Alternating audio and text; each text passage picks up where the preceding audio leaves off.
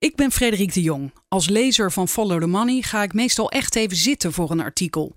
Verhalen waar zo lang aan gewerkt is, kun je bijna niet in vogelvlucht tot je nemen. Het liefste zou ik willen dat de redacteur naast me zat om uitleg te geven. En dat is nu het geval. Spreek hem eens in. Frederik vraagt door. De podcast van Follow the Money. I know you're gonna dig this. Alexander Beunder en Bas van Beek van het platform Authentieke Journalistiek. Ja.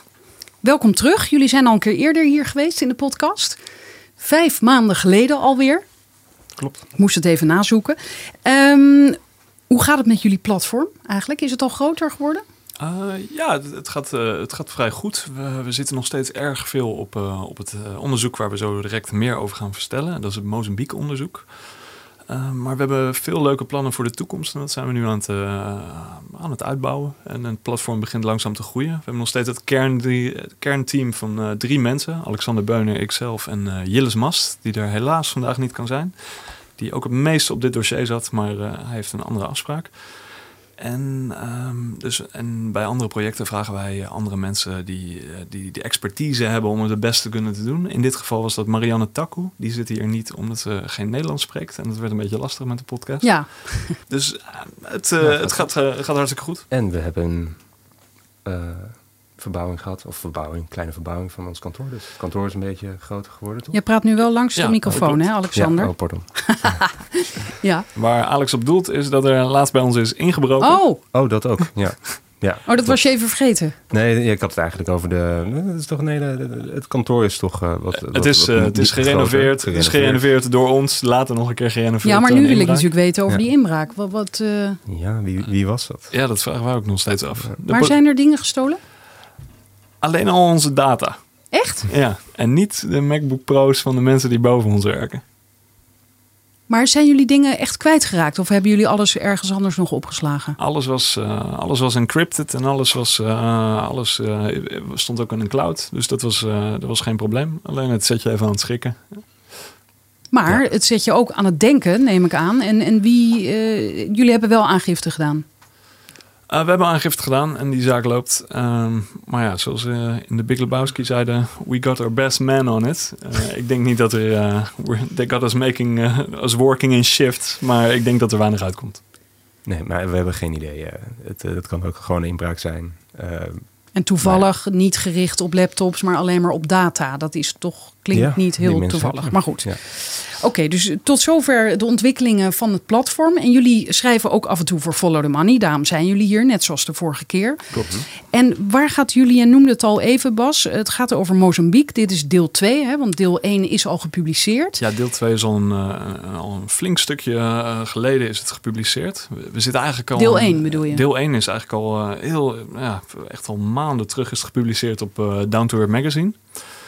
Alleen het onderzoek eh, bleef maar doorlopen. Het is een langdurig onderzoek. We zijn vorig jaar zijn wij door Down to Earth Magazine eh, zijn wij benaderd om, eh, om eens te duiken in Mozambique. Want wat was er nou in Mozambique gebeurd? Er was enorm veel gas ontdekt. En enorm is, is nog zwak uitgedrukt. Want het was drie keer wat er in Groningen was gevonden. Dat maakte van Mozambique, ze doen de vergelijking wel eens de Qatar van Afrika. Het zou, eh, het zou van een van de armste landen zou het opeens een, middeninkomen land kunnen maken. Dus dat was eh, groot nieuws. Maar wat het eh, helemaal interessant maakte, is dat Nederland, wat Nederland daar op het moment aan doen was. Bedrijven zoals Shell en Heineken, die begonnen echt enorm veel interesse opeens te tonen in het land. Nou, Shell voor duidelijke redenen, omdat er gas was gevonden. Heineken met plannen om, eh, om toch de biermarkt daar te kunnen veroveren. En toen werden wij gevraagd van, gaan jullie eens naar Mozambique en gaan eens kijken eh, wat daar nu gaande is. En wat is de rol van de Nederlandse overheid daarin. Van wie is dat Down to Earth magazine? Eh, Down to Earth Magazine is een, is een onafhankelijk nieuwsblad. wat zich vooral richt op, ja, je zou het kunnen zeggen, groene onderzoeksjournalistiek. Ehm, eh, ze, ze hebben een band met Milieudefensie. Ze zitten in hetzelfde pand. Ze zijn redactioneel onafhankelijk. Ehm, en de laatste versie met dit verhaal die het gaat zaterdag komen in de papieren versie en online. Ehm, en de hoofdredacteur is Annemarie Opmeer. En jullie zijn in Mozambique geweest vorig jaar. Eh, ik, ik ben er geweest Ik niet. samen met... Jij niet, eh, Alexander, oké. Ja, dus ik ben, we zijn er in oktober, zijn wij daar een maand geweest om rond te reizen om te kijken wat er gaande is. En dat was jouw eerste keer. In Mozambique, ja zeker. Ja, Ja. en, en wat, wat tref je daar aan als je daar voor het eerst naartoe gaat? Ehm, ja, ehm, het verschilt natuurlijk heel erg. Je hebt natuurlijk uh, de hoofdstad uh, in uh, Maputo. Dan, dan, ga je vooral naar die instituten die op, de, op dat moment bezig zijn met onderzoek. Je gaat, je praat met wetenschappers, je praat met politici. Maar heel even, jij ging rechtstreeks van het vliegveld naar een instituut of ben je eerst nog even rondgereden ergens? Um, hoe, hoe, je daar aankomt op het ja, vliegveld. Ja, hoe, hoe ziet het eruit? Wat, wat, Um, het is een, een, kleiner vliegveld dan je gewend bent natuurlijk. Het is, uh, het is allemaal vrij nieuw. En de hoofdstad ziet er... Uh, nou, je hebt eigenlijk ook weer... De hoofdstad is weer in twee delen op te vatten. Je hebt het, uh, het oude koloniale centrum als het ware. En, dan heb je eigenlijk de veel bruisende um, gedeeltes daaromheen. Um, en de meeste van die instituten zitten in een wat rustige, uh, in de rustige binnenstad. Dus dat uh, was allemaal vrij oké. En wat je dan gaat doen is, uh, wat wij hebben gedaan, is je gaat naar het noorden, naar Cabo Delgado, waar de, de meest noordelijke provincie, dat grenst daar ook met Tanzania. En dat, nou, je kan zien hoe enorm Mozambique is op de wereldkaart. Dat is nog, daar moet je nog een binnenlandse vlucht voor nemen die aardig lang duurt. En toen zijn we eigenlijk langs alle gemeenschappen gegaan om te gaan kijken hoe zij werden geraakt uh, door, de, uh, door de gasgiganten die plannen hadden met hun land. Waaronder Shell, waaronder Anadarko en Eni. Um, Anadarko is een Amerikaans. Anadarko is een Amerikaans, dat klopt. Uh, Gasbedrijf of ja. ook olie? volgens mij, dat, dat, zie je bij al die, dat is olie en gas ja. eigenlijk. En, en was dit trouwens, is het voor het eerst dat er gas is gevonden in dat land? Ze wisten dat het er langer zat. Uh, maar uh, de, in rond 2011, 2012 hebben ze echt. Uh, toen kwamen echt de gangen. ja, kwam, kwamen de plannen om dit echt. maar dit is het eerste gasveld eigenlijk dat is gevonden. Het ligt in de zee. Um, het, het, was dus de, ook vooral de kwestie van hoe krijg je het eruit en hoe groot is het. En daar is ontzettend veel research naar gedaan. En in, rond 2011, 2012 kwamen echt de plannen op gang. En meerdere van dit soort bedrijven die dachten: we kunnen het uit de zee halen en we kunnen er wat mee. Het Italiaanse bedrijf Eni is er ook bij betrokken? Ja, uh, dat klopt. Um, Eni en Anadarko die, die doen die offshore um, operaties. En wat je, waar, Shell dan vooral bij betrokken zou zijn, zou een zogeheten GTL-plant zijn. Dat is een gas to liquid. Dus dat is eigenlijk dat je het gas uh, wat je uit de grond haalt, dat je dat omzet in, uh, in, in, benzine en dat kan gebruiken voor andere producten. Um, dus um, Shell die is eigenlijk vooral nu aan het zoeken naar waar plaatsen we die, uh, die faciliteit. Dus wij gingen, dat is eigenlijk het grootste deel van onze reis geweest, is eigenlijk in het noorden langs al die gemeenschappen. En dan zie je natuurlijk een heel ander beeld van Mozambique. Dan, zie je, uh, dan kom je echt in, in dorpjes van soms nog uh, een paar honderd man. En dan probeer je een gesprek aan te gaan met uh, wat, wat vaak gaat via de dorpsoudste of een, uh, of een council van uh, dorpsoudsten. Dat je vraagt van oké, wat is er nu gaande? Wat, wat, wat, zijn deze bedrijven bij jullie komen bespreken? En, en waren die mensen allemaal goed op de hoogte? Het ding is eigenlijk, nee, dat, dat, is, dat is het grootste punt. Dat kan je ook lezen in ons eerdere verhaal, wat nu op Follow the Money staat onder de titel Mozambique gaat ten onder een gas voordat er ook maar een druppel is opgepompt. Um, er is juist heel veel onduidelijkheid over wat die bedrijven nou willen. Um, dat, dat, dat, varieert van dat zomaar bomen worden gemarkeerd met witte verf. Van of ze dan weg moeten of moeten blijven, dat is onduidelijk. Mensen uh, krijgen contracten uh, voor hun neus um, en weten vaak uh, niet wat, wat, er precies, wanneer het project dan van start gaat. Daar is altijd onduidelijkheid over. Je hebt, we waren toen bij communities of gemeenschappen die, die zeiden van ja, we wachten eigenlijk al, we zouden we zouden moeten verhuizen naar een ander gebied. Alleen uh, er gebeurt maar niks. En, uh, en dat merk je eigenlijk van de, de, gemeenschappen zelf zijn eigenlijk ontzettend slecht op de hoogte. En er zijn organisaties in Mozambique die zich daar nu juist heel erg druk om maken. Dat is bijvoorbeeld uh, JA, Justicia Ambiental. En die, dat is een organisatie die dan ook naar die gemeenschappen gaat en gaat zeggen van het is jullie recht om te weten wat hier, wat hier gaande is. Uh, jullie, jullie, moeten die, uh, jullie moeten die contracten goed kunnen begrijpen, de afspraken moeten duidelijk zijn. Jullie hebben volgens de Mozambicaanse wetgeving hebben jullie rechten op land en moet er goed met jullie onderhandeld worden. Maar je merkt dat, dat bedrijven daar nogal snel in kunnen komen. Dus die, die, die komen daar snel tussen. Die maken snel afspraken. Als, als bewoners niet, uh, niet willen tekenen voor bepaalde dingen, dan, dan vinden ze wat andere mensen. Dus uh, er is een hoop aan de hand in Mozambique. En dit, uh, dit onderzoek loopt nu eigenlijk al meer dan een jaar. En deze zaterdag gaan we dus een nieuw artikel, wat jij zo gaat voorlezen, gaan Ja. we publiceren. Ik ga dat nu voorlezen. En, en even, komt hierna nog een artikel of is het hiermee, of weet je dat nog niet? Alexander en ik gaan ehm, waarschijnlijk in eh, eind november of eh, begin december er zullen meer artikelen volgen. Nog, eh, als het goed is, nog twee artikelen. En daar zijn we nu hard mee aan de Ja, slag ja. om dit dossier af te ronden. En dan komt er volgend jaar, als alle rechtszaken met, eh, waar we straks meer over gaan vertellen met de overheid omtrent de WOP, als die klaar is, dan doen we nog een grote terugblik. Ehm, en dat is, wat is er nou echt gebeurd? En alle vragen die we nog niet beantwoord hebben gekregen, daar hopen we dan antwoord op te hebben. Ik dacht dat jij iets wou toevoegen, Ja, Alexander. nou, ik ja. wilde iets toevoegen over je eerdere vraag. Ehm, of, er, eh, of dit voor het eerst is dat er gas is eh, gevonden in Mozambique. Want ik denk dat dat wel interessant is. Eh, de industrie die er al is. Er is al eh, enige gasindustrie in het zuiden. Met een Zuid-Afrikaans bedrijf die dat ex- exporteert naar Zuid-Afrika. En ik denk dat die ervaring ook wel interessant is. Want dat is ook, daar zijn deals gesloten eigenlijk met dat bedrijf waar Mozambique gewoon heel weinig aan heeft verdiend. Heel weinig belastinginkomsten, terwijl er heel veel belastinginkomsten verwacht werden. Ehm, en eigenlijk is dat het verhaal van Mozambique tot nu toe. Eh, grote bedrijven die fossiele brandstoffen en grondstoffen exporteren. En, eh, Die veel komen halen en weinig brengen eigenlijk. Precies, ja. En elke keer is de verwachting, Mozambique gaat hier ontzettend van profiteren. Eh, maar keer op keer blijkt dat dat ontzettend tegenvalt. En, dat, eh, en, en de lokale bevolking daar ook heel weinig van terugziet eh, qua werkgelegenheid. Het zijn grote bedrijven met machines die ze, waarvoor de mensen helemaal niet zijn opgeleid in Mozambique. Dus dat zie je dat dat, dat dat tot nu toe eigenlijk de ervaring is van Mozambique. En ook een reden om juist nu te kijken van gaat dat nu anders zijn Ja. met, met Shell. We moeten hoopvol blijven. Optimistisch. Ja, ik ga het lezen en dan eh, hoor ik jullie zo weer tussendoor, hoop ik. De Nederlandse overheid beweert Mozambique te helpen met armoede- en corruptiebestrijding. Maar het straatarme land is rijk aan gas en dat blijkt belangrijker. De samenwerking tussen de Nederlandse ambassade en Shell reikt ver. Dat tonen opgevraagde documenten. Ze vertellen ons niks, al dus een inwoner van het dorp Quitunde, een plattelandsdorp in de noordelijke provincie Cabo Delgado in Mozambique. Mensen kwamen en begonnen kokospalmen te markeren met verf en vertrokken. In en rondom dat dorpje, gelegen in een regio van kleinschalige boeren, kokospalmen en bescheiden woningen, komen de laatste jaren steeds vaker medewerkers van gasgiganten als Shell en Anadarko langs. Vaak met haast en niet eens tijd om te zitten, vertelt een inwoner van het dorp ons. De gasbedrijven willen hun industrie opbouwen in deze gasrijke regio en zijn wettelijk verplicht met de lokale dorpelingen te onderhandelen over hervestiging. Maar een gezonde dialoog ontbreekt, zeggen de lokale bewoners.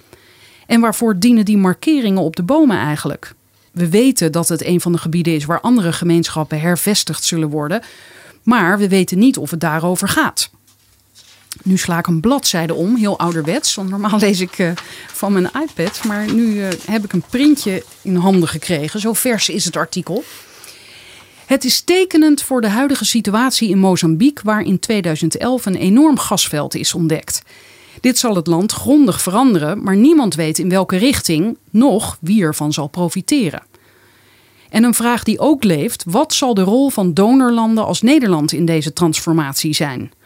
Alda Salomao, advocaat en actief voor landrechten vanuit de NGO Centro Terra Viva, heeft er een dubbel gevoel bij. Nederland heeft de landbouwsector in dit land enorm geholpen, al dus Salomao.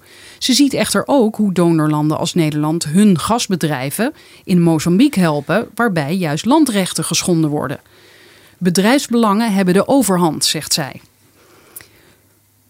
Jullie steken nu allebei je hand op.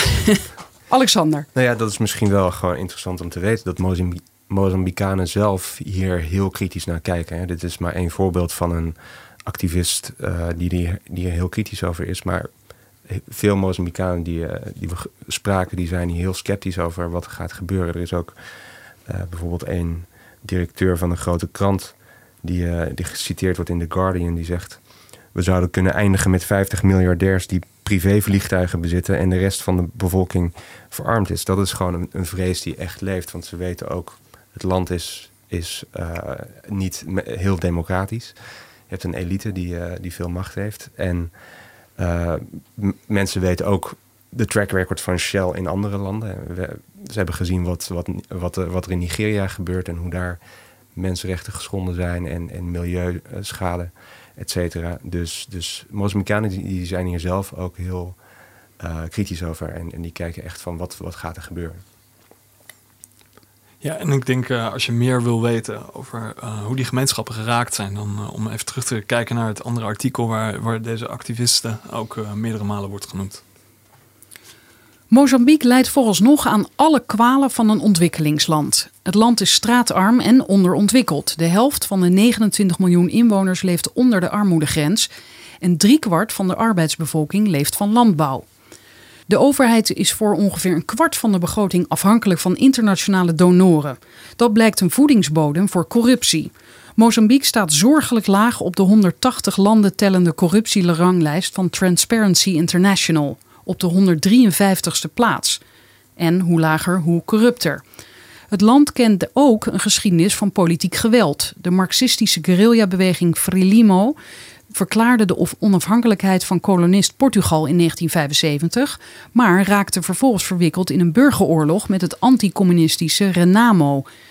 Deze oorlog eindigde officieel in 1992, maar toch laait dodelijk geweld tussen beide groeperingen nog geregeld op.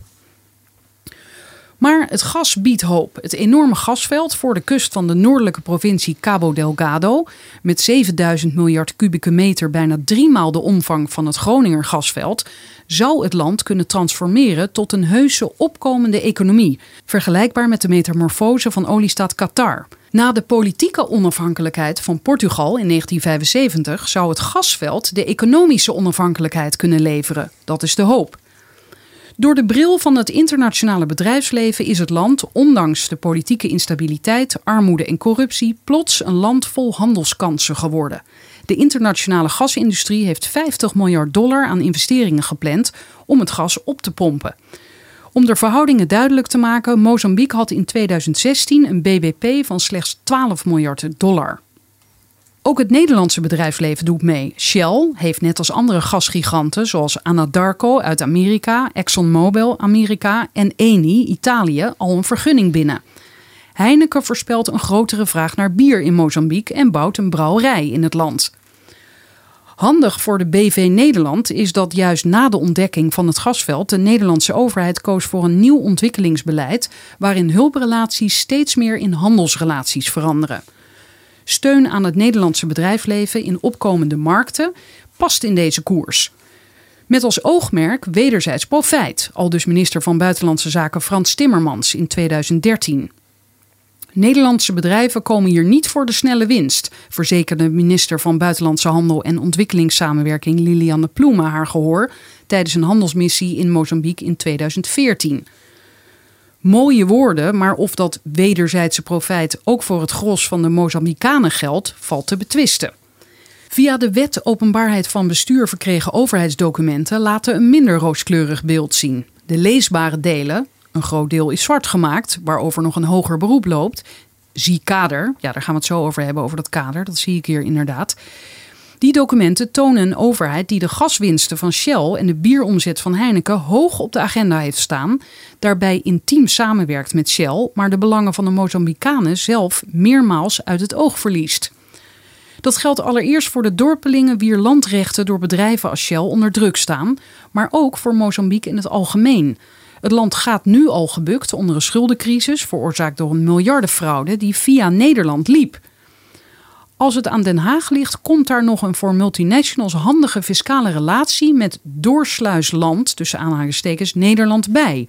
Kijk, ja, dit is inderdaad wel even goed om dat uit te leggen. Dat wordt ook uitgelegd in het kader. De, WOP, hoe, die WOP uh, verliep, uh, wordt uitgelegd in het kader. Daar kan Bas zo meteen iets meer over zeggen. Dat, maar ja, doorsluisland, dat slaat op het, uh, ja, het feit dat Nederland gewoon bekend staat als een land waar heel veel multinationals uit de hele wereld gebruik van maken om belasting uh, te vermijden, om uh, hun eigen belastingdruk te verlagen.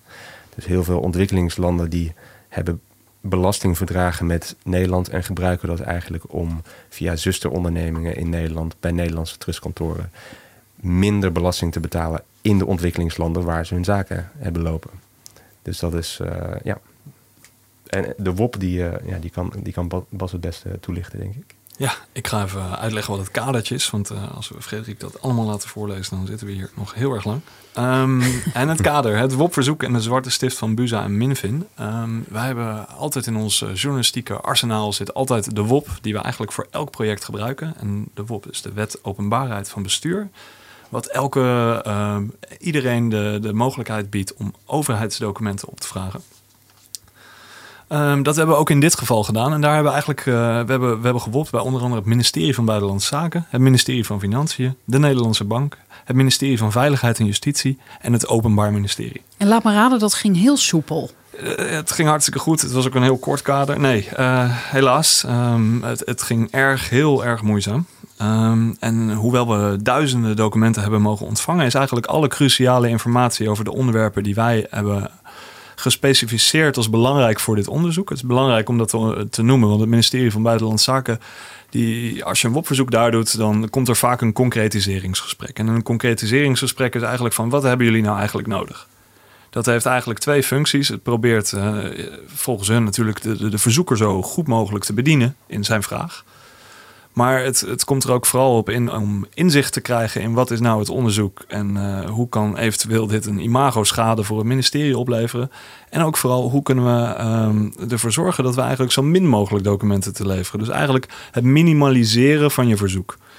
Nou, wij werden in, dit verzoek werden we bijgestaan door uh, Roger Vleugels, onze, onze WOP-expert. En die kan zich ook uh, met duizenden zaken op zijn naam de WOP-expert van Nederland noemen. Dus dat, uh, dat is niet gebeurd. Um, dus heeft eigenlijk... Dat is, wat is niet gebeurd? Het is niet gebeurd dat, dat het, uh, het verzoek, uh, dat onze verzoeksvraag helemaal uit het oog is verloren. Maar okay. wat, wat de ministeries en de Nederlandse Bank, het Openbaar Ministerie, wel hebben gedaan, is eigenlijk alles zwart gemaakt waar we dan wel in geïnteresseerd waren. En, um, Met welk argument? Dat verschilt. Dat zijn meerdere weigergronden die ze daarvoor gebruiken. Uh, de, eigenlijk de meest voorkomende is het betreft bedrijfsgevoelige informatie. Of het kan de, um, onze band met uh, Mozambique zou, kunnen schaden, zou het kunnen schaden. Um, Want maar die band is heel goed, kennelijk. Ja, maar daar, zit, daar, zitten ja. nogal wat vreemde punten in. Daar, daar, noem ik een paar van in dat kader van echt opvallende dingen. Um, zo, uh, zo heeft Shell bijvoorbeeld gesprekspunten aangeleverd voor uh, het, uh, het, gesprek wat Rutte zou hebben tijdens het staatsbezoek van president Nyusi, de, de president. En dat is allemaal zwart. Dus we mogen niet weten wat Shell heeft aangedragen. Dat hebben ze mooi in een documentje aangeleverd. En nog mooier, delen daarvan zijn, um, zijn dus onleesbaar gemaakt door onze eigen overheid onder het mom. Dat zou onze relatie kunnen schaden met Mozambique. En dat is raar, want die mag je eigenlijk alleen gebruiken als overheid zijnde. Van als overheidsinformatie openbaar wordt gemaakt. Maar Shell wordt in dit geval dus eigenlijk al gezien als overheid. De, en, en Shell wordt afgeschermd dus? Ja, ja in deze situatie zeker. Die, die, houdt gewoon de gordijnen dicht eigenlijk. En, uh, maar dat is dus het vreemde wat we in ons bezwaar uh, zeggen. Hè? Als, je als als bedrijf uh, gebruik maakt van de steun van de overheid, dan uh, moet, je daar, moet je er eigenlijk ook mee akkoord gaan dat zodra je dat doet, zodra je een beroep doet op de overheid, dat burgers dat proces zouden moeten kunnen controleren. Dat burgers dus inzage krijgen ook in hoe onze staat die bedrijven ondersteunt, in welke vorm dan ook. Maar ja, Want je zou kunnen zeggen, dat vergeten we misschien wel eens, dat wij de burgers hebben onze overheid gecreëerd en wij de burgers helpen dus die bedrijven, kennelijk. Precies. En dan mogen ja. we toch wel even weten waarmee we ze helpen. Precies, Inderdaad. dus dat is ook ons Maar dat mag argument. dus niet, want dat zijn dan bedrijfsgeheimen en ja. de relatie wordt misschien geschaad. En, en hoe werkt dat dan? Dan krijgen jullie dat binnen na weken, neem ik aan? Nou ja, na, na weken, dat, dat, dat kost maanden. Eigenlijk is het twee keer 28 dagen, maar eigenlijk op dit moment loopt het zo slecht met de WOP dat haalt eigenlijk geen enkel bestuursorgaan haalt dat meer. Die gaan altijd rekken. En ze weten dat de, de, de, de boeteclausule is uit de WOP gegaan. Um, omdat er uh, zogezegd misbruik werd, uh, werd gemaakt. Um, je zou je af kunnen vragen welk bestuursorgaan heeft een boeteclausule nodig om, uh, om, om, om zijn werk te doen. Om zijn werk te doen. Maar dat, dat was in Nederland het geval. Met als gevolg dat wij eigenlijk, uh, wij hebben een van de slechtst lopende WOP uh, in, in heel de wereld. Uh, en eigenlijk haalt geen enkel bestuursorgaan haalt hun, hun wettelijke termijnen meer. Dus ook in dit geval heeft het maanden gekost. En dan krijg je, nou, dan krijg je, je krijgt het in deelbesluiten. Heel vaak moet je al akkoord gaan met deelbesluiten. Want uh, anders uh, is het werk uh, te veel, te lang. Nou, om, om ook een beetje gemoedelijk over te komen, dan ga je daar dan mee akkoord. En nou, dan krijg je zo'n hele lading. En dan, dan merk je dus van oké, alles, alles waar we echt interesse in hebben. De echte de samenwerking met Shell, dat is allemaal zwart. En je kan daar pas uiteindelijk kan je daar in, in, tegen bezwaar. Dan moet je dus wachten tot al die deelbesluiten binnen zijn. Dan kan je zeggen, ik ga nu tegen, ik ga hiervoor in bezwaar. Of uh, dat is als het goed loopt. Anders uh, moet je allemaal nieuwe bezwaarsprocedures starten. Dus dan moet je voor elk deelbesluit moet je een nieuwe bezwaar. En dan heb je dus op een gegeven moment heb je drie bezwaren lopen. En dan kan je die hopelijk nog bij de rechter tot, tot één uiteindelijk bezwaar inleveren. Maar dat is maar de vraag. Dus um, onze tip is altijd aan de overheid: hou jullie administratie een keer goed bij. En, uh, tip aan de overheid, ja. ja, en, En, en, dat is wel aardig van jullie. Dan wordt het, ja, dan wordt het, in de, wordt het in de toekomst wordt het allemaal een stuk makkelijker. Als je kijkt naar andere landen, hoe die dat doen, die, die richten zelfs uh, overheidsdocumenten. En dan, dan kijken we vooral bijvoorbeeld naar Noorwegen. Die richten overheidsdocumenten dusdanig in dat het eigenlijk voor de WOP al klaar is. Dat eigenlijk de, de nou, ik herinner me dat jullie je vorige keer uh, aan mij vertelden dat inderdaad in, in sommige buitenlanden krijgen ambtenaren cursussen om goed een WOP eh, mensen te kunnen bedienen. Klopt. En hier in Nederland krijgen mensen cursussen om zoveel mogelijk uh, informatie achter te houden. Ja, het is eigenlijk WOP-obstructie. Het wordt natuurlijk nooit zo gepresenteerd. Het is eigenlijk wat zij noemen de informele aanpak. Uh, dat zie je terug in dit soort concretiseringsgesprekken. Dus dan krijg je een uitnodiging en dan mag je gaan praten. En dan, maar eigenlijk waar het op neerkomt is echt dat, dat je verzoek zo minimaal mogelijk geïnterpreteerd wordt. Zeker op politieke dossiers. Maar jullie kregen dit keer geen uh, etentje aangeboden, want dat was vorige keer ook aan de hand, toch? Ik, ik wacht nog Klopt. steeds uh, ja, op een nee. etentje van Buza. Nee, die uh, hebben ze misschien naar de nadat we die afwezen de eerste keer. Uh, hebben we hem nooit meer gekregen? Hebben we nooit meer gekregen. Nee. Oké, okay, nou, dit, dit ja. kader is dan besproken. Dat is notabene een hele pagina lang. Even nog kijken. Ding, je kan dus zelf in de documenten duiken. Dat is leuk. We, Oké. Okay. De, uh, op de site van Follow the Money kun je zelf via linkjes de documenten inzien en dus zien hoe, hoeveel daarvan is zwart gelakt. En bij hoeveel pagina's kom je dan terecht? Dat, uh, dat, loopt, dat loopt in de duizenden. Dus uh, het, het, het, ook de documenten lopen in de duizenden. Gaan ze niet allemaal lezen. Maar je kan, je kan zoeken op keywords. Uh, als je bijvoorbeeld Shell intypt. En we hebben die vooral die van Buza is de grootste, het grootste aantal documenten. Uh, dan, dan krijg je alles netjes uh, in de documenten. We maken gebruik van Document Cloud. Dat is een, uh, een documentensysteem online. En je kan alles kopiëren. Je kan het voorzien van je eigen markeringen, annotaties voor verder eigen onderzoek.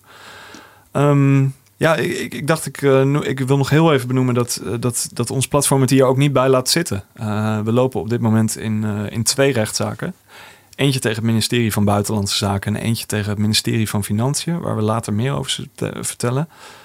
Um, vooral het uh, ministerie van Financiën heeft ons erg veel kopzorgen bezorgd. Uh, die heeft eigenlijk tegen ons in het eerste concretiseringsgesprek gezegd: wij gaan ons niet houden aan die wettelijke termijnen. Um, waarop uh, onze jurist verbaasd reageerde.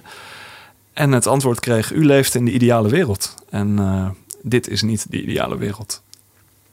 We zijn Allemachtig. Idealisten. Dus we moeten en we kregen, ook geen, uh, we kregen ook geen beslissing. Dat was voor ons uh, heel erg moeilijk. Uh, dus we hebben maanden moeten procederen. We zijn toen, we zijn toen ook naar een voorlopige voorzieningrechter moeten gaan... om te zeggen van nou ja, hoe, hoe, hoe zit dit? Waarom hebben we die documenten nog niet? En een dag voordat we naar de rechter gingen... kregen we een eindbeslissing van... jullie krijgen geen documenten met het comment we hebben nu een beslissing genomen. Waarom gaan jullie nog naar de rechter? Namelijk de beslissing, jullie krijgen niks. Ja, dat en daar moeten jullie maanden op wachten. En, en hoe betalen jullie dit allemaal? Ja, dat is, dat, dat is een goed punt. Dat is een dat uitdaging. Is, dat is voortdurend een uitdaging, ja. Dus dat is ook een, een van de uitdaging, dat vind ik wel... Nou ja, we hebben natuurlijk mensen die ons, uh, die ons steunen. En die gaan ook uit van een... Uh, Hè, dat, een bepaalde moment dat dit onderzoek klaar is. Maar dat, is, ja, dat wordt hierdoor uh, elke keer moeilijk. En hè, dat, dat, dat, is ook natuurlijk in je voorstellen dat dat in uh, nou, onze partners natuurlijk ook de hele tijd uitgelegd moet worden. Van waarom duurt het langer, waarom duurt het langer. Gelukkig hebben we partners die, uh, die, de, die ons daarin steunen en die daar. Ze hebben een lange adem. Hebben. Ze hebben een lange adem, inderdaad. Dus, zijn die partners bekend of is dat, moet de, ik dat wobben? Nee, dat hoef je niet te wobben. Dat is, da dat is Down to Earth Magazine en dat is het onderzoeksinstituut Bovens. Die vooral onderzoek doet naar hoe publiek geld wordt gebruikt in Nederland. en dan vooral op bijvoorbeeld exportkredietverzekeringen. Waar we later meer over vertellen. Maar het is misschien wel even goed om, om toch, ik, ik wil dit even benoemen, van hoe zwaar dit is voor journalisten. En omdat je ook de journalistiek ziet veranderen. Je ziet steeds meer freelance journalisten waar wij ons onder kunnen scharen. We zitten dan wel in een platform, maar dat is eigenlijk een vereniging van, uh, van, van freelance onderzoeksjournalisten. Maar ook bij Follow the Money speelt dit. Uh, Zeker, ja. Met weinig geld. Dus wij hebben ook bij de rechter hebben we destijds hebben we benadrukt. Dus ik heb het even voorgepakt. Dan lees ik nog één keer voor wat ik daar heb gezegd. Uh, laat mij nog eenmaal benadrukken hoe zwaar deze procedure voor een klein team van zelfstandige onderzoeksjournalisten is. Wij werken voornamelijk met vaste onderzoeksbudgetten. Als we denken dat een project ook een WOP-verzoek behelst, vraag ik mijn opdrachtgever altijd om rekening te houden met twee maanden uitloop. Daarnaast benadruk ik ook altijd dat er de mogelijkheid bestaat dat er niet verstrekt zal worden. Maar wat ik niet kan verkopen is dat bijna drie kwart jaar later dat ik nog moet strijden voor een primaire beslissing. En evenmin kan ik bij toekomstige opdrachten verkopen dat één van ons en daarmee een deel van ons onderzoeksbudget zich heeft moeten storten op het meeschrijven aan herinneringsmail, een ingebrekenstelling, pro forma bezwaren en uiteindelijk een voorlopige voorziening om tot een primaire beslissing te komen. Wij zijn inmiddels door onze financiële reserves heen, hebben onze opdrachtgevers meerdere malen teleurgesteld en hebben ons in diverse organisatorische bochten moeten wringen om, dit, op, om op dit moment voor u te staan. Het huidige kabinet heeft zich uitgesproken voor het belang van onderzoeksjournalistiek. Het zou het ministerie sieren als zij hier navolging aan zou geven, door in ieder geval WOP-procedures in de wettelijk gestelde termijnen uit te voeren. Want haar huidige optreden zorgt er enkel voor dat journalisten de WOP niet langer kunnen gebruiken om de overheid te controleren. En dat kan enkel samen worden gevat met één woord: beroepsbelemmering. Amen. Is daar al een reactie op gekomen? Of dit loopt dus nog? Eh, de rechter heeft het, uh, heeft het doorverwezen naar de bezwaarprocedure van het ministerie van Financiën zelf. En die heeft het bezwaar afgewezen. Dus we moeten opnieuw terug naar de rechter. Ja, Alexander dus lacht nog. Je kan nog lachen. Ja, oké. ik, ik, lees verder. Um, terug naar Shell en terug naar Mozambique. De dankbaarheid van Shell voor de hulp van de Nederlandse ambassade in het promoten van Shell in Mozambique blijkt onder andere uit een brief aan ambassadeur Pascal Grotenhuis. Verstuurd op 4 december 2015. Uw toewijding aan handel en investeringskansen in Mozambique is van onmeetbare waarde geweest voor onze activiteiten en de toekomst van ons project, schrijft Shell, vertaald uit het Engels. Grotehuis stuurt het bericht vanaf haar iPhone naar haar team door. Deze is voor het hele team. Dankjewel allemaal. De Nederlandse ambassade maakt dan al jaren reclame voor Shell bij de Mozambicaanse overheid. Cruciaal voor Shell, want het bedrijf doet in 2016 mee aan een openbare aanbesteding voor de bouw van een GTL-fabriek, waar gas wordt omgezet in vloeibare brandstoffen. Gas to Liquid, een megaproject van zo'n 5 miljard dollar. Hier zal het gewonnen Mozambicaanse aardgas worden omgezet naar diesel en worden verkocht in zowel binnen- als buitenland. Shell krijgt in 2014 groen licht voor een haalbaarheidsstudie naar de fabriek en wint in 2017 definitief de publieke aanbesteding waar 14 bedrijven aan deelnemen. Shell mag de bouw starten. Uit de ambassadedocumenten blijkt hoe belangrijk de inspanningen van de Nederlandse overheid en ambassade zijn geweest voor deze vergunning. Dat begint al direct na de gasontdekking in 2011. Als staatssecretaris van Economische Zaken Henk Bleker en de Mozambicaanse minister van Handel en Industrie Armando Inroga elkaar in oktober 2011 spreken, is deel van het beoogde resultaat Shell profileren als partij voor gas- en LNG-ontwikkeling in Mozambique. dat is een quote. Soms werken de Nederlandse ambassade en Shell direct samen. Het zijn twee intensieve weken geweest waarbij Shell Mozambique, Shell Den Haag, de High Commissioner van het Verenigd Koninkrijk en mijn team hebben samengewerkt, zo schrijft ambassadeur Grotehuis in een e-mail op 25 november 2015, ook vertaald uit het Engels. Eén maand na deze mail treedt overigens een ambassademedewerker, adviseur politiek en handel, Felisberto Mulovo in dienst bij Shell. Ja, wat moet ik hiervan denken? Uh, dat Shell uh, veel kwaliteit in deze man zag. Ehm, wat wij hebben geprobeerd ook is om, uh, om met, met deze man te spreken. Van waarom heb je deze overstap nu, nu ook gemaakt? Uh, oh, wacht even. Ja, ja, hij stapt over van de ambassade naar Shell. Hij stapt over van de ambassade. Nu dringt het tot mij door. Ja. ja. En hij, hij, is, hij is nu onderdeel van Shell Mozambique. Ehm, de ambassadeur liet ons weten dat ze tweemaal heeft gevraagd aan uh, Felisberto of hij met ons wou praten. En ook aan uh, de directeur van uh, Shell Mozambique. Felisberto is daar op dit moment gewoon adviseur. En dit is geweigerd door eh, Shell Den Haag. Die heeft gezegd dat, ze niet, dat Shell Mozambique niet met ons in gesprek zal mogen gaan. En dat dit allemaal via het mediateam in Den Haag zal verlopen. Ja. Maar uit, uit het algemeen eerder uh, de afgelopen alinea's zie je gewoon hoe nauw die contacten zijn tussen de ambassade en Shell in het algemeen. Ja. Dat, dat het, bedoel, we weten al dat er samenwerking is. Er is al eerder over geschreven, maar in deze mails zie je hoe, ja, hoe uh, ook die, de luchtigheid van de mails en de taal, dat, de hulp van onmeetbare waarde is geweest van de ambassade. Er, er spreekt zo'n grote dankbaarheid uit dat, dat, dat, dat het is wel. Uh, interessant om te zien in die documenten. In en wat dan precies die hulp is geweest, dat is dan weer zwart gemaakt. Dus dat weten jullie niet precies. Voor een deel, maar het, het, het, we, weten wel, uh, we weten er wel iets over. Daar gaan de volgende. Oké, okay, dan, dan lees ik verder. Nederland is zelfs bereid zijn ontwikkelingsrelatie met Mozambique in te zetten voor de belangen van Shell en het Nederlandse bedrijfsleven in het algemeen. Zo ontstaat in mei 2013 het plan lokale ontvangers van Nederlands ontwikkelingsgeld een goed woordje te laten doen voor de Nederlandse gassector bij de Mozambicaanse publieke gassector. Het gaat om twee waterbedrijven: het Nederlandse Vitens Evides International, VEI, en de lokale partner die ze al tien jaar ondersteunt, het Mozambicaanse waternutsbedrijf FIPAG. Beide blijken bereid de reputatie van de Nederlandse watersector te benutten bij de pitch die Nederland gaat maken richting de gassector. Dat blijkt uit de mail van de ambassade. Meerdere ontwikkelingsprojecten blijken als reclame te worden ingezet voor de BV Nederland. Zo geeft Nederland hulp in de vorm van zogenaamde capaciteitsopbouwprojecten, onderwijs- en trainingsprogramma's over energiewinning aan Mozambicaanse ambtenaren in de publieke gassector. Capaciteitsopbouwprojecten kunnen gebruikt worden om het Nederlandse bedrijfsleven strategisch te positioneren in Mozambique, zo meldt een ambassadedocument uit februari 2014. Uiteindelijk werpen deze diplomatieke inspanningen vruchten af, meldt Shell zelf. Wanneer het bedrijf de bedankbrief aan de ambassade schrijft, is de eerste vergunning voor een haalbaarheidsstudie binnen.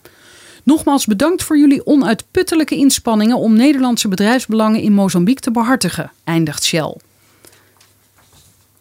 Shell ontvangt in Mozambique behalve diplomatieke steun mogelijk ook direct of indirect financiële ondersteuning van de Nederlandse staat met behulp van een door de Nederlandse staat geleverde exportkredietverzekering. Mogelijk, want transparantie ontbreekt. Een WOP-verzoek aan het ministerie van Financiën voor alle EKV-aanvragen die sinds 2010 zijn aangevraagd voor projecten in Mozambique wordt onvolledig beantwoord. Het ministerie weigert een cruciaal dossier, omvang 5000 documenten, te leveren, te weten alle documenten van twee aanvragen van aannemers ten behoeve van een Nederlandse oliemaatschappij, omdat die aanvragen nog lopen. Het is aannemelijk dat het om Shell of toeleveranciers van Shell gaat. Financiën wil slechts kwijt dat het twee aanvragen betreft voor havenwerkzaamheden en werkzaamheden offshore op zee. Het ministerie verklaart het grote aantal documenten uit het feit dat deze aannemer niet alleen een aanvraag heeft gedaan voor een EKV, maar ook voor een zogeheten projectfinancieringstransactie, een PF-transactie. Dit betreft vaak grootschalige en zeer complexe transacties met een lange risicohorizon die de omvang van normale aanvragen dikwijls overstijgt. Shell's fabriek gaat naar verwachting pas in 2026 van start en kent dus inderdaad een lange risicohorizon. Moeten we dit nog toelichten? Ja, we, we, hebben hier vaak grapjes over gemaakt. We hebben er ook grapjes gemaakt uh, in de rechtszaal. Van, um, het, is, het is natuurlijk te gek voor woorden. We gaan, we gaan er later over hebben wat exportkredietverzekeringen nou precies zijn. Maar um, dat er zoveel publiek geld wordt gebruikt. En als je dan vraagt wie daar gebruik van maakt, dat het niet eens de naam genoemd kan worden. Weet je, het, het is hetzelfde als we het hebben over een grote zoekmachine gigant in Silicon Valley. Um, dan weten we ook waar het over hebben. En als we het hebben over tussen haakjes een Nederlandse oliemaatschappij, dan is het ook wel vrij duidelijk waar het over gaat. Dus laten we het beestje gewoon bij een naam noemen. Dat kan je. Het, het, het, het, het is ook het feit namelijk dat als je zo'n exportkredietverzekering nog niet volledig toegezegd hebt gekregen, dat je eigenlijk wel vraag, al toestemming krijgt om te zeggen dat je eigenlijk al voor in de running bent. Dan krijg je een, een zogeheten formulier dat er een intentieverklaring is. Dat je in elk geval uh, concurrerend kan opstellen in de onderhandelingen. Want dat kan je dan doen. Dan kan je zeggen, ik, word, uh, ik krijg steun vanuit de Nederlandse overheid via een exportkredietverzekeringen en ik heb al een intentieverklaring. En dan kan, je, dan kan je met een betere prijs komen op die markt. Dan heb je ook meer vertrouwen op die markt. Eh, dus dus eh, om te zeggen dat het, het nog loopt en eh, dat er maar oneindige onderhandeling is en dat daarom die documenten niet vrijgegeven mogen worden, dat is, dat is kant-klare onzin. Toch is er ook wel begrip in Mozambique, want ik lees hier verder. Advocaat Alda Salomao begrijpt wel dat donorlanden in een dilemma verkeren en moeten schipperen tussen ontwikkelingsdoelen en economische belangen. Het is een balans die niet altijd eenvoudig te bereiken is, zegt ze. Maar vooral de afgelopen jaren ziet zij hoe overheden hun nationale economische belangen voorop stellen, soms tegen elke prijs. De schendingen van landrechten rond de oprukkende gasindustrie, waartegen ze met haar NGO Centro Terra Viva strijdt, in het vorige artikel bij Follow the Money beschreven, is daar een teken van. Ook de miljardenfraude die Mozambique deels via een in Nederland gevestigd overheidsvissersbedrijf pleegde en de opmerkelijke vervolgstappen van Nederland daarin illustreren hoe Hollandse handelsbelangen botsen met ontwikkelingsdoelen. Het corruptieschandaal kwam in 2016 aan het licht. Een in Nederland gevestigd Mozambicaans overheidsvissersbedrijf, Ematum BV, speelt daarin een hoofdrol. Het bedrijf werd in augustus 2013 aan de Amsterdamse Zuidas geregistreerd bij TMF, een van de grootste trustkantoren van Nederland. Dat kantoor zelf, op dat moment bestuurd door Jan Rijn de Vos van Steenwijk, is bestuurder van Ematen BV. Zo meldt het uittreksel van de Kamer van Koophandel. Vanuit de Zuidas gaat Ematen BV via het Zwitserse Credit Suisse en de Russische VTB-bank in 2013 een lening van 850 miljoen dollar aan voor de aankoop van Franse boten voor de tonijnvisserij. Die boten kosten echter slechts 100 miljoen dollar. De rest blijkt, na doorgesluist te zijn naar het Mozambicaanse ministerie van Defensie, gebruikt om defensiemateriaal en patrouilleboten te kopen. Het bedrijfsplan voor de aankoop van de boten blijkt voorts extreem onrealistische omzetverwachtingen te bevatten. Van de verwachte tonijnomzet van 18 miljoen dollar in 2016 is slechts 450.000 dollar gerealiseerd. En dan volgt er ook weer even een kader om dit nader uit te leggen, Bas. Ja, dat klopt. En dat gaat over exportkredietverzekeringen. Ik, oh ja, daar zijn ze. Ik, realiseer me ook dat dat eerder in een plusje stond en dat we daarom niet eerder aan toe zijn gekomen. Wat is nou een EKV, een exportkredietverzekering? Als een bedrijf denkt ik wil, uh, ik wil, ik heb een project of ik wil exporteren naar een bepaald land, dan uh, wil het zich uh, nog wel eens verzekeren tegen bepaalde risico's. En um, in, als een bedrijf dat wil doen naar ontwikkelingslanden of landen waar meer risico is, dan, dan kan ze naar Atradius Dutch State Business kunnen ze gaan. En dat uh, dan, dan kan je namens de Nederlandse overheid kan er een exportkredietverzekering worden aangevraagd. Dus dat betekent dan dat, uh, dat de Nederlandse staat staat garant voor jouw project. Um, dit, dit gaat echt vaak om miljoenen, dus het zijn ook enorme aanvragen. Uh, um, soms loopt uh, dit soort projecten, nou, dat is duidelijk, loopt in de miljarden. Maar mocht zo'n project dan op een of andere manier fout gaan, een land trekt zich terug op het laatste moment uit het project, dan staat de Nederlandse staat voor zo'n bedrijf garant met publiek geld. En een land zal dan altijd proberen om op zijn eigen manier, Nederland zal dan echt proberen, stel dat het in Mozambique gebeurt, om dat geld weer terug te halen. Dus die probeert dan via andere wegen ervoor te zorgen dat dat geld ook weer terugkomt op die manier. Dus daar kan je als bedrijf een aanvraag voor doen.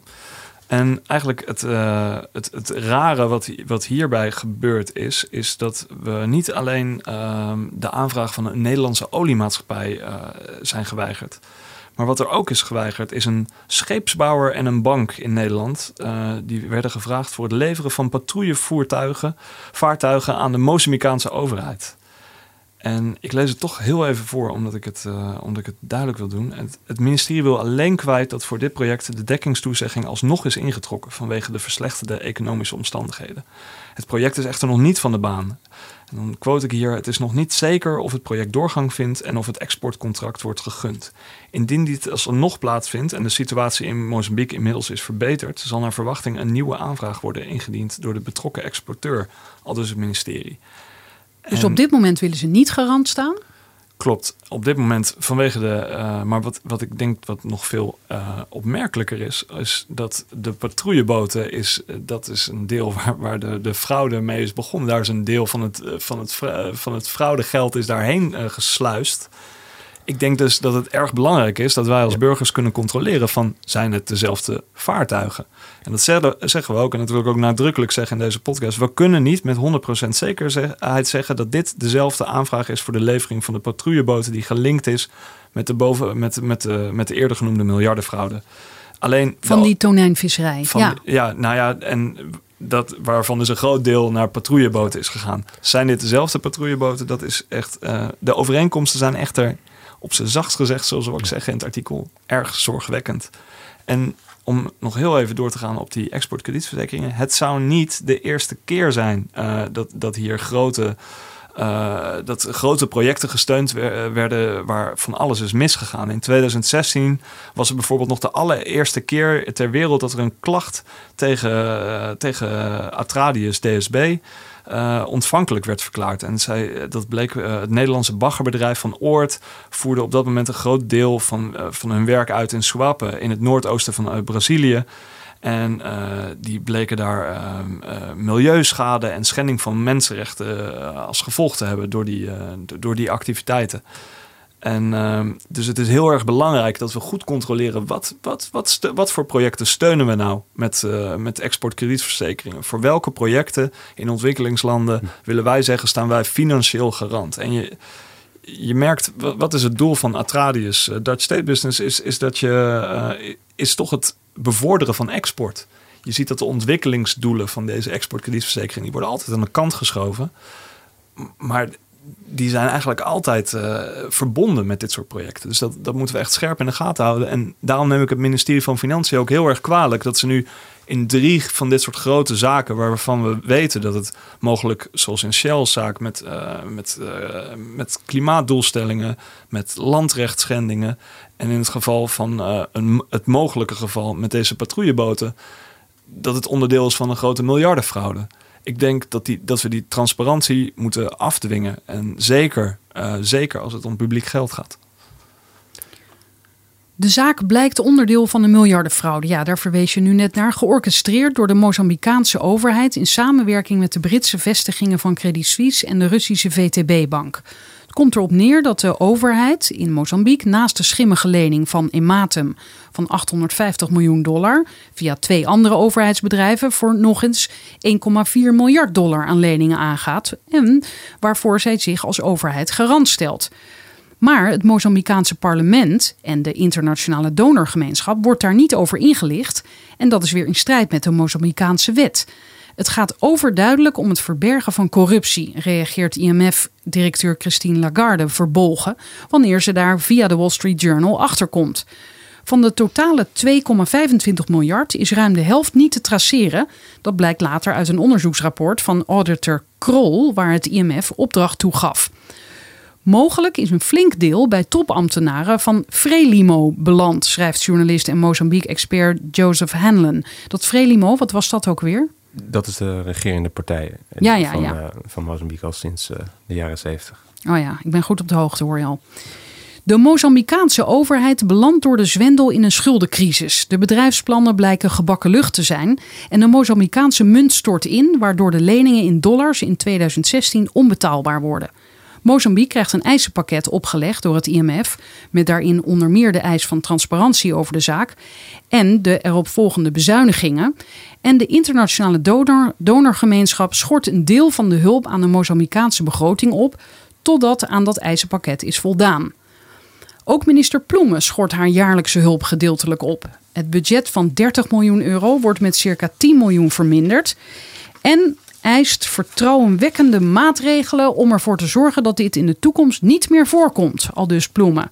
Er kan geen sprake zijn van business as usual, schrijft ze in haar Kamerbrief.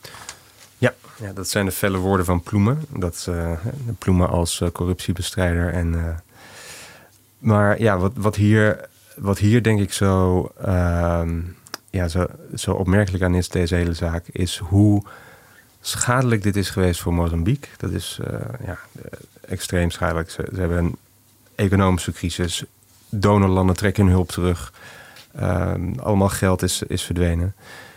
Maar ondertussen zijn er een aantal eh, rijkere landen die er eigenlijk best wel van hebben geprofiteerd mogelijk. Want zoals één iemand ons zei, van die hele miljarden, van al die leningen, is er, is er nooit een, een, eh, een dollar bij de Mozambicanen zelf beland. Het gaat om eh, geld dat is gebruikt om boten te kopen uit Frankrijk.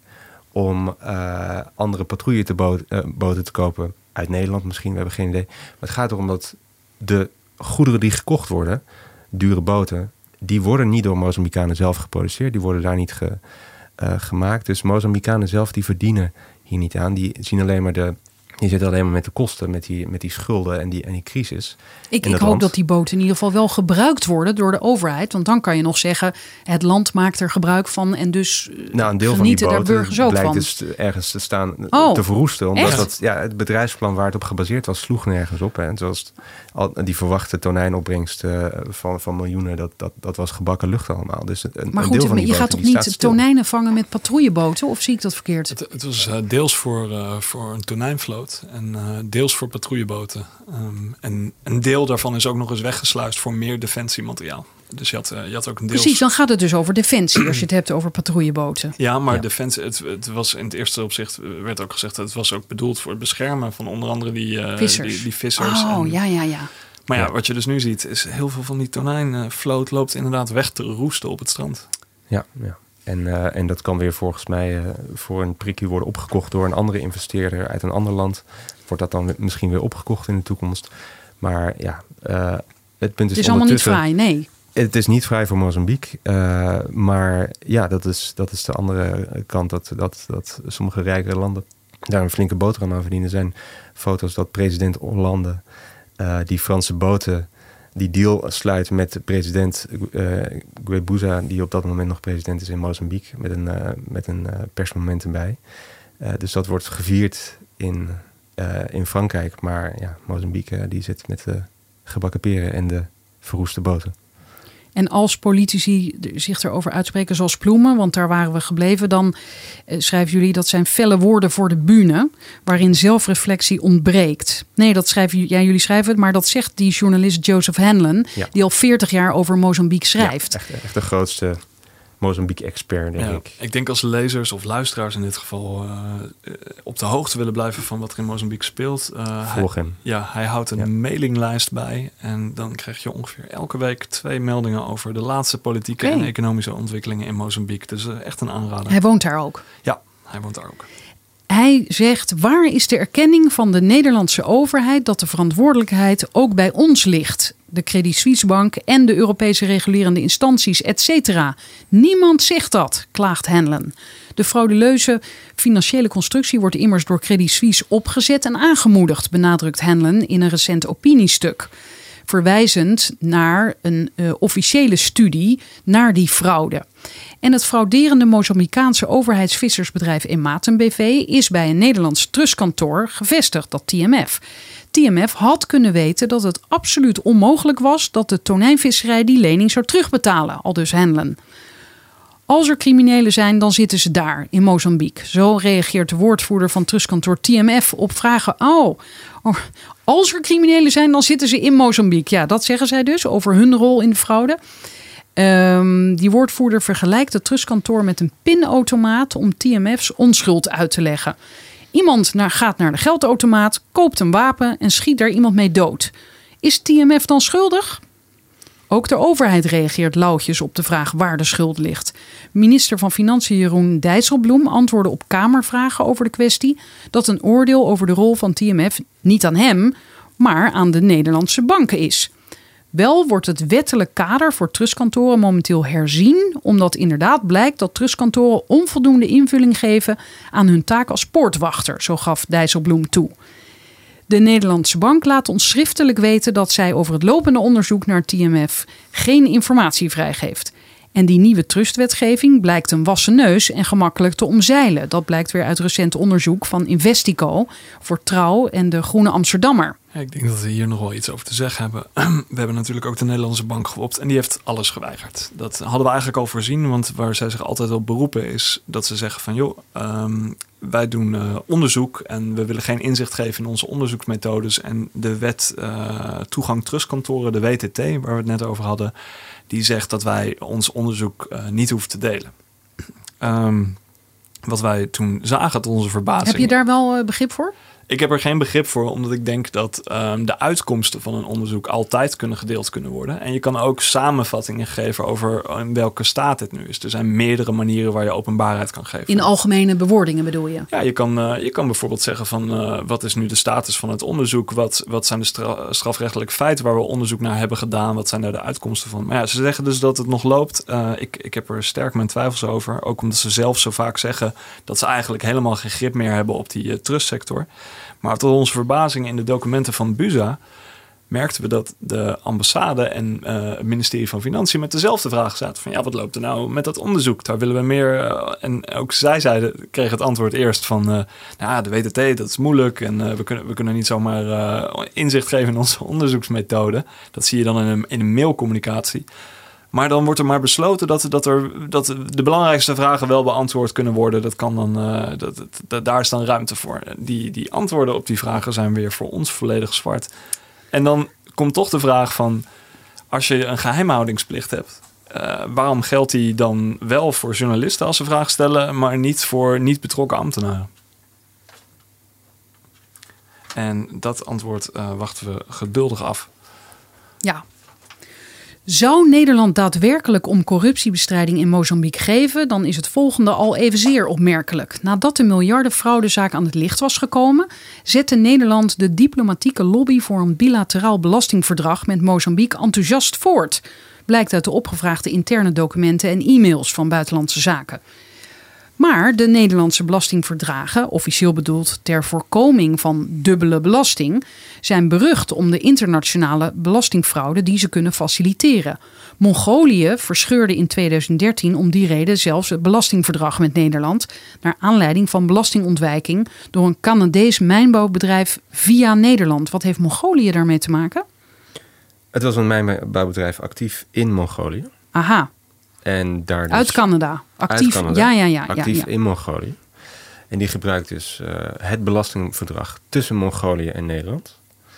Om belasting in Mongolië wow. te vermijden. Dus dat, dat is wat er gebeurt. Dat is wat er heel veel gebeurt. Dat andere bedrijven dus ook gebruik maken van de Nederlandse belastingverdragen.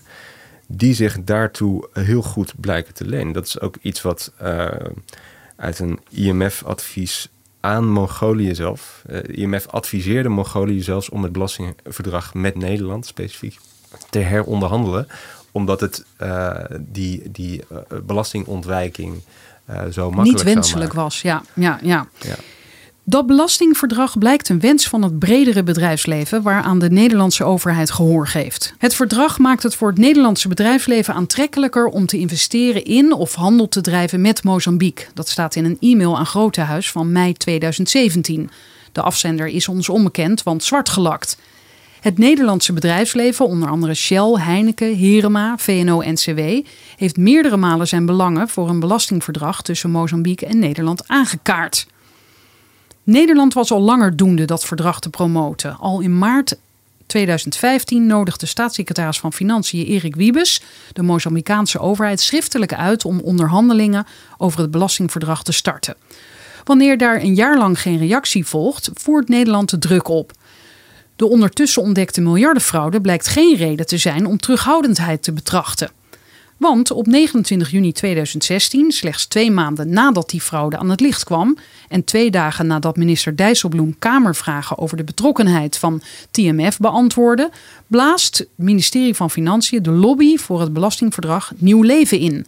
Het ministerie schrijft die dag in een mail aan ambassadeur Grotehuis dat ze tot de dag van vandaag geen antwoord hebben ontvangen op de brief die vorig jaar aan Mozambique verstuurd werd vertaald uit het Engels.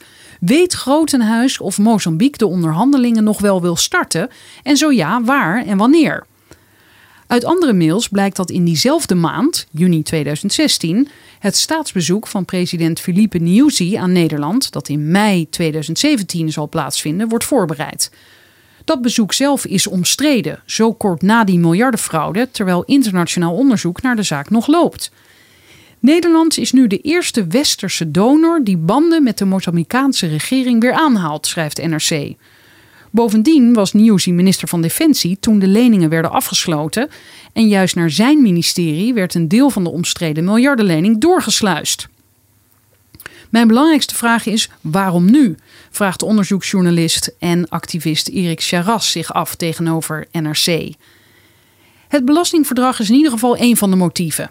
Zoals je waarschijnlijk weet, neemt het belang van een belastingverdrag met Mozambique voor het Nederlandse bedrijfsleven de laatste tijd sterk toe. Al dus een mail van het ministerie van Financiën aan ambassadeur Grotehuis op 16 februari 2017, enkele maanden voor dat bezoek.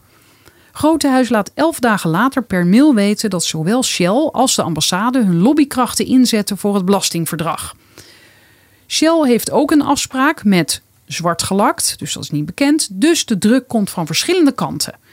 De e-mails tussen het ministerie en Grotehuis laten zien dat Nederland het verdrag liefst al tijdens dat staatsbezoek wil ondertekenen. In de maand voor het staatsbezoek ontvangt Grotenhuis per mail nog de belastinghervormingen die Heineken wenst in Mozambique. De afzender is wederom zwart gelakt. Gewoon om ervoor te zorgen dat we op één lijn zitten over wat we vragen aan of onderhandelen met de overheid, zo meldt die mail aan Grotehuis. Opvallend is dat de ambassadeur zelf aarzelt of haar samenwerking met Shell en Heineken wel door de beugel kan. Zowel Shell als Heineken nodigen mij uit om bij hun bilaterale events met de president aanwezig te zijn, schrijft Grotenhuis in een mail aan Buitenlandse Zaken op 8 mei 2017. Ik wil graag met jullie afstemmen of jullie hier risico's in zien? Vraagteken. Voor mij is het een logisch onderdeel van onze samenwerking, maar ik hoor graag jullie visie, al dus Grotenhuis. Ook in Nederland wordt er met Shell en Heineken samengewerkt rond dat staatsbezoek. Voor Shell wordt op de eerste dag van een bezoek een anderhalf uur lang diner met president Nyusi ingepland. Heineken krijgt een gesprek van een half uur op de derde dag. Maar Mozambique zelf is nog niet overtuigd. Het wordt een LOI, Letter of Intent, nog niet het verdrag zelf, zo schrijft Grotehuis op 8 mei 2017 aan het ministerie. De intentie tot het sluiten van een belastingverdrag is in ieder geval binnen, dankzij de gezamenlijke lobby van Shell en de Nederlandse overheid. Nou, dat laatste was geen quote, dat zeggen jullie. Ja, dat zeggen wij inderdaad. Ik dacht dat zij nu verheugd zei dat de lobby in ieder geval uh, binnen was. Maar De- het woord lobby wordt waarschijnlijk niet in de mond genomen, of wel? Nee, dat is, dat is, eh, dat is onze, Ja. ons woord inderdaad. Maar ja, wat, wat, je ziet in ieder geval dat, dat de Nederland, Nederlandse overheid heel erg eh, helpt in het lobbyen voor dat belastingverdrag. Maar eh, ja, dat is, dat is gewoon vreemd, want het is zo'n groot schandaal. De hele wereld heeft erover. Wat is hier aan de hand? Er wordt onderzoek gedaan. En eh, naar buiten toe wordt er gezegd geen business as usual. Maar op de achtergrond gaan gewoon de onderhandelingen, de handel, het uitbreiden van de handelsrelatie gaat door. En juist omdat die belangen van Shell en Heineken zo groot zijn, eh, dat blijkt uit die do- documenten dat zij dat echt nodig hebben. Hun investeringen die, die komen eraan, dus zij willen gewoon goede belastingen, eh, lage belastingen hebben in Mozambique. De, Maar- dus de, de, de dominee is hier even helemaal van het toneel en daar staat alleen nog de koopman Nou, in de volle dominee, glorie. ik denk dat de dominee op het toneel staat naar buiten toe. Maar op de achtergrond zie je dus dat, dat handel gewoon eh Nummer één is, ja. heel erg belangrijk zijn. Maar nogmaals, ja, dat, dat, dat, is, dat is vreemd, want er speelt onderzoek en er wordt gekeken naar de rol van Nederland hierin. Eh een Nederlands trustkantoor, die is erbij betrokken. En we gaan de weken daarna gaan we door met, verder. met het opbouwen van een financiële infrastructuur tussen Nederland en Mozambique, waarvan we weten dat die, ehm, ja, dat die misbruikt kan worden voor, voor fraude. Ik denk dat het ook misschien interessant is om. Ja, het, het is. Het is wel zo dat die fraude, die belastingverdragen, daar, daar zitten allemaal ehm, artikelen in waarmee misbruik kan worden tegengegaan. Ehm, maar wat een belastingexpert ons ook vertelt, dat ehm, is vaak afhankelijk van de overheid van zo'n ontwikkelingsland bijvoorbeeld. eh, zelf, die moet dat aankaarten. Die moet zelf eh, dan naar Nederland stappen en zeggen: Ik denk dat er misbruik wordt gepleegd eh, of, of het belastingverdrag wordt misbruikt. Kunnen jullie daar naar kijken? Dat initiatief dat ligt dan eh, vooral bij zo'n ontwikkelingsland zelf. Mozambique zelf is betrokken bij een gigantische fraude via Nederland. Dus is, het, is dit het moment om een belastingverdrag af te sluiten met, met Mozambique? Weten, wetende dat hoeveel er mis kan gaan. En, eh, hoe, ehm, en dat je misschien niet van de Mozambicaanse overheid op dit moment kan verwachten dat zij zelf eh, heel veel tegen dat misbruik zullen doen. Willen we op- daaraan bijdragen? Ja, want Shell en Heineken die willen dat. Dus dat is wat je, wat je eigenlijk ziet gebeuren. dit, dit is toch echt van de gekken eigenlijk. Maar dit, dit, dit gebeurt, het is natuurlijk allemaal ver weg. En Niemand heeft het in de gaten, behalve jullie dus. En nu de luisteraar ook. Ja, tuurlijk. Ja. Ik bedoel, het, is, eh, nee, het, het komt wel af en toe in het nieuws met zo'n staats, eh, staatsbezoek. Is, is Mozambique wel in het, ja, in het nieuws. Maar Gelukkig is Mozambique nog terughoudend hier met het tekenen. We Ja. hebben ook, we hebben ook Ja. journalisten gebeld in Mozambique van joh, ga eens uitzoeken hoe het nou zit met dat Nederlandse eh, belastingverdrag. Waarom wordt dat niet ondertekend? En ze zeggen, eh, die journalisten zeiden tegen ons, ja, ze zijn terughoudend vanwege deze reden. Ze zijn bang dat, dat er misbruik van gemaakt zal worden. Dus gelukkig speelt dat. En la- laten we hopen dat, eh, dat het zo blijft. Wat kennen ze ook Maar dan zoals- is Mozambique dus terughoudender dan Nederland. Ja, eigenlijk wel. Ja, en dat, is, Het moet toch niet veel je ziet een beetje worden? die frustratie onder Nederland daarover. Van, nou, willen ze nou wel? En, eh, hè, in die mails. Maar En Mozambique heeft alles te verliezen. Ja. En je ziet trouwens, eh, misschien moeten we ook voorzichtig zijn in eh, hè, Mozambique af, aftekenen of afschilderen als een, als, eh, een, een volledig corrupte overheid. Je hebt er ook verschillende eh, groepen binnen de overheid. En de ene die wil echt iets aan corruptie doen en de andere iets minder. Dat is wat, wat Net zoals kenners ons hier vertellen. eigenlijk. Ja, tuurlijk. Er is geen verschil. Er is geen verschil. Dus je hebt er natuurlijk ook... Nou, ik maakte nu een grapje, maar jij zegt nu echt er is geen verschil. Met dit- Nederland? Nee, ik, ik, ik zie geen verschil. Ja, ook hier heb je eh, corrupte politici. Ja, Tuurlijk, zeker. ja. De kosten en risico's voor Mozambique van een bilateraal belastingverdrag met Nederland zijn niet gering. Niet alleen Nederlandse, maar ook niet-Nederlandse multinationals in Mozambique zouden dat belastingverdrag voor belastingontwijking kunnen misbruiken, zoals in Mongolië gebeurde. In Mozambique zijn bijvoorbeeld Amerikaanse, Italiaanse en Thaise gasgiganten actief, bedrijven die al jaren in Nederland zusterondernemingen geregistreerd hebben staan. Zal Nederland dit soort misbruik tegengaan? Daar kun je twijfels bij hebben en dan druk ik me voorzichtig uit, zegt belastingexpert Jan Vleggeert ons in zijn kamer in de Universiteit Leiden. Tot nu toe heeft Nederland zich daar nog nooit tegen verzet.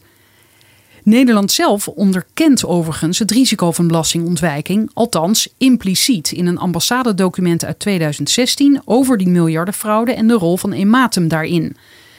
Nederland heeft geen belastingverdrag met Mozambique. Belastingontwijking lijkt dus niet de reden geweest om Ematum in Nederland te vestigen. Er zou aan toegevoegd kunnen zijn: we gaan echter hard aan de slag om dit belastingverdrag af te sluiten. Ja, Ja, en daar moeten we ook nog iets aan toevoegen. Want ehm, we hebben eens opgezocht hoeveel eh, gasbedrijven nou in Nederland geregistreerd staan. En die lijst is enorm. En ehm, dan heb ik het niet over gewoon hun standaard eh, operaties, maar echt hun Mozambique operaties.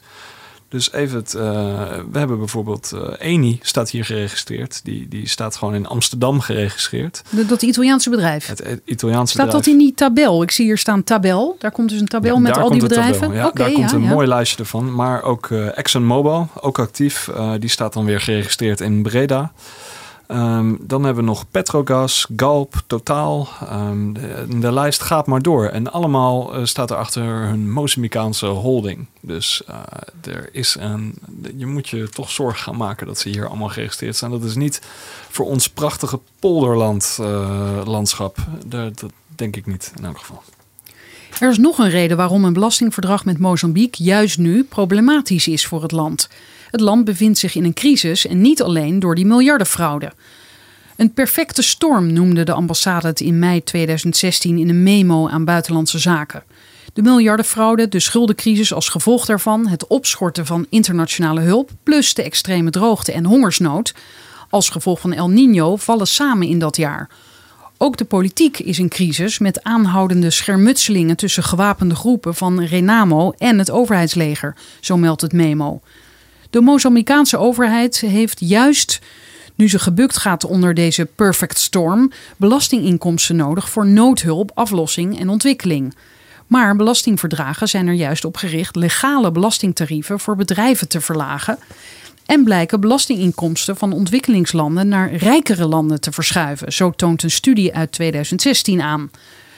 Wat je je zou kunnen afvragen is: what's in it voor Mozambique? Al dus belastingexpert Jan Vleggeert.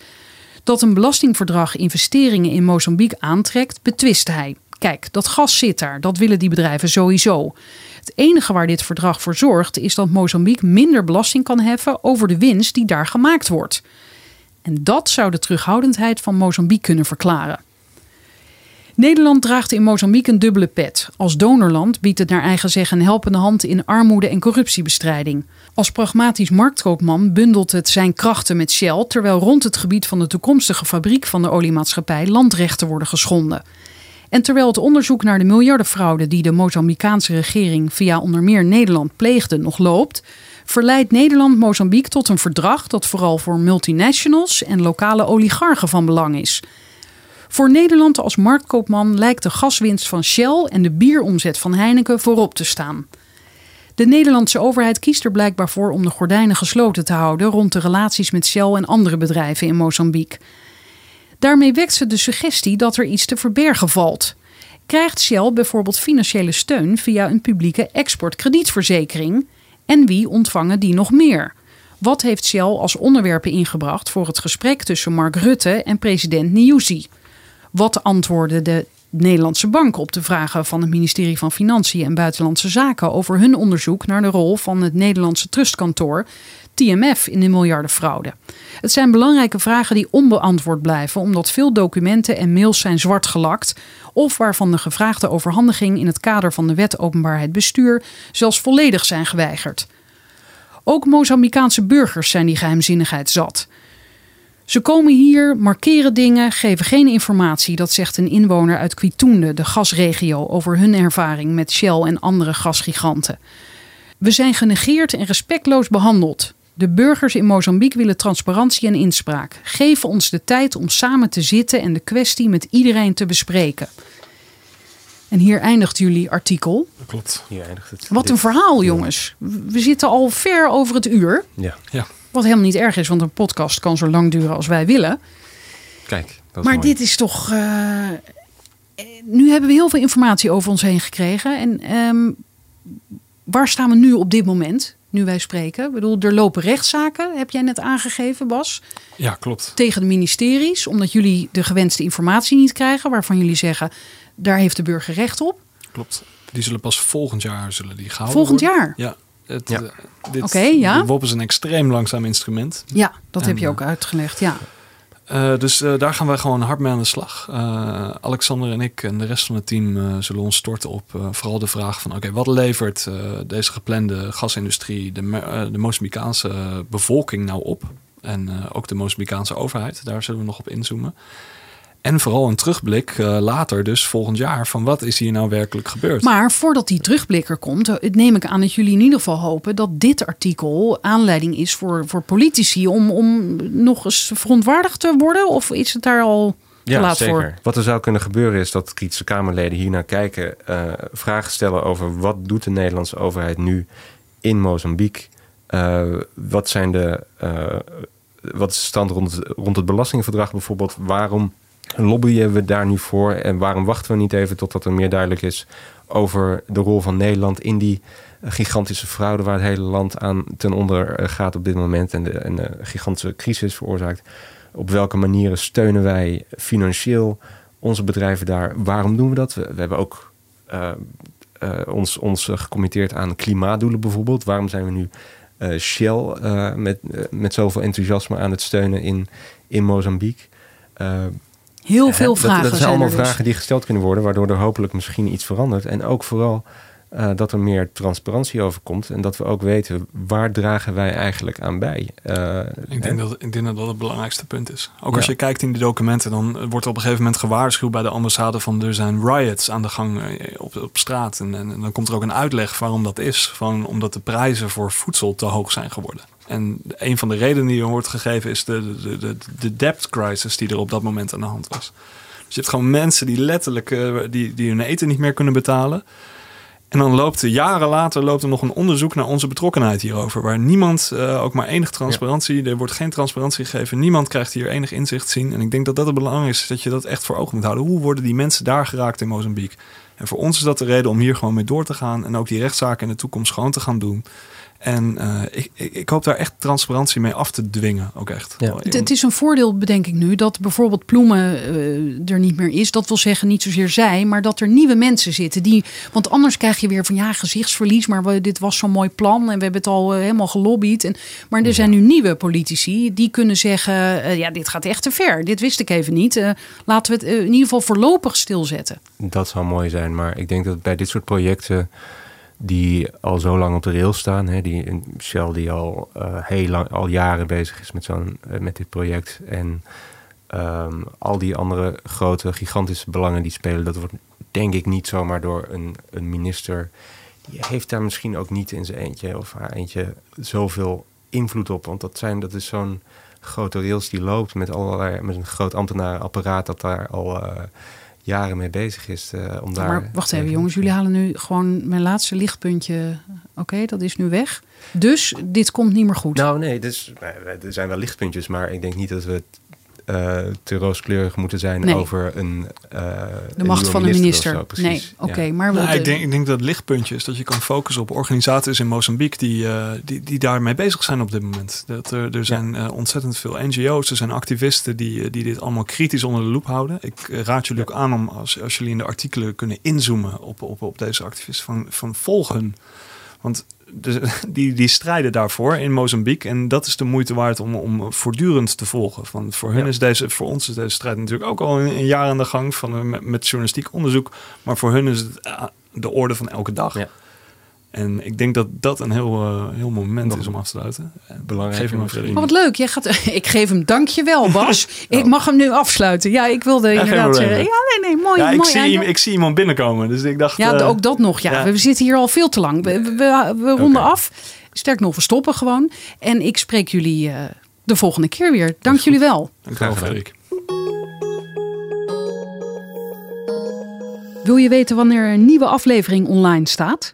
Schrijf je in voor mijn nieuwsbrief. Die vind je bij ftm.nl/slash Frederiek.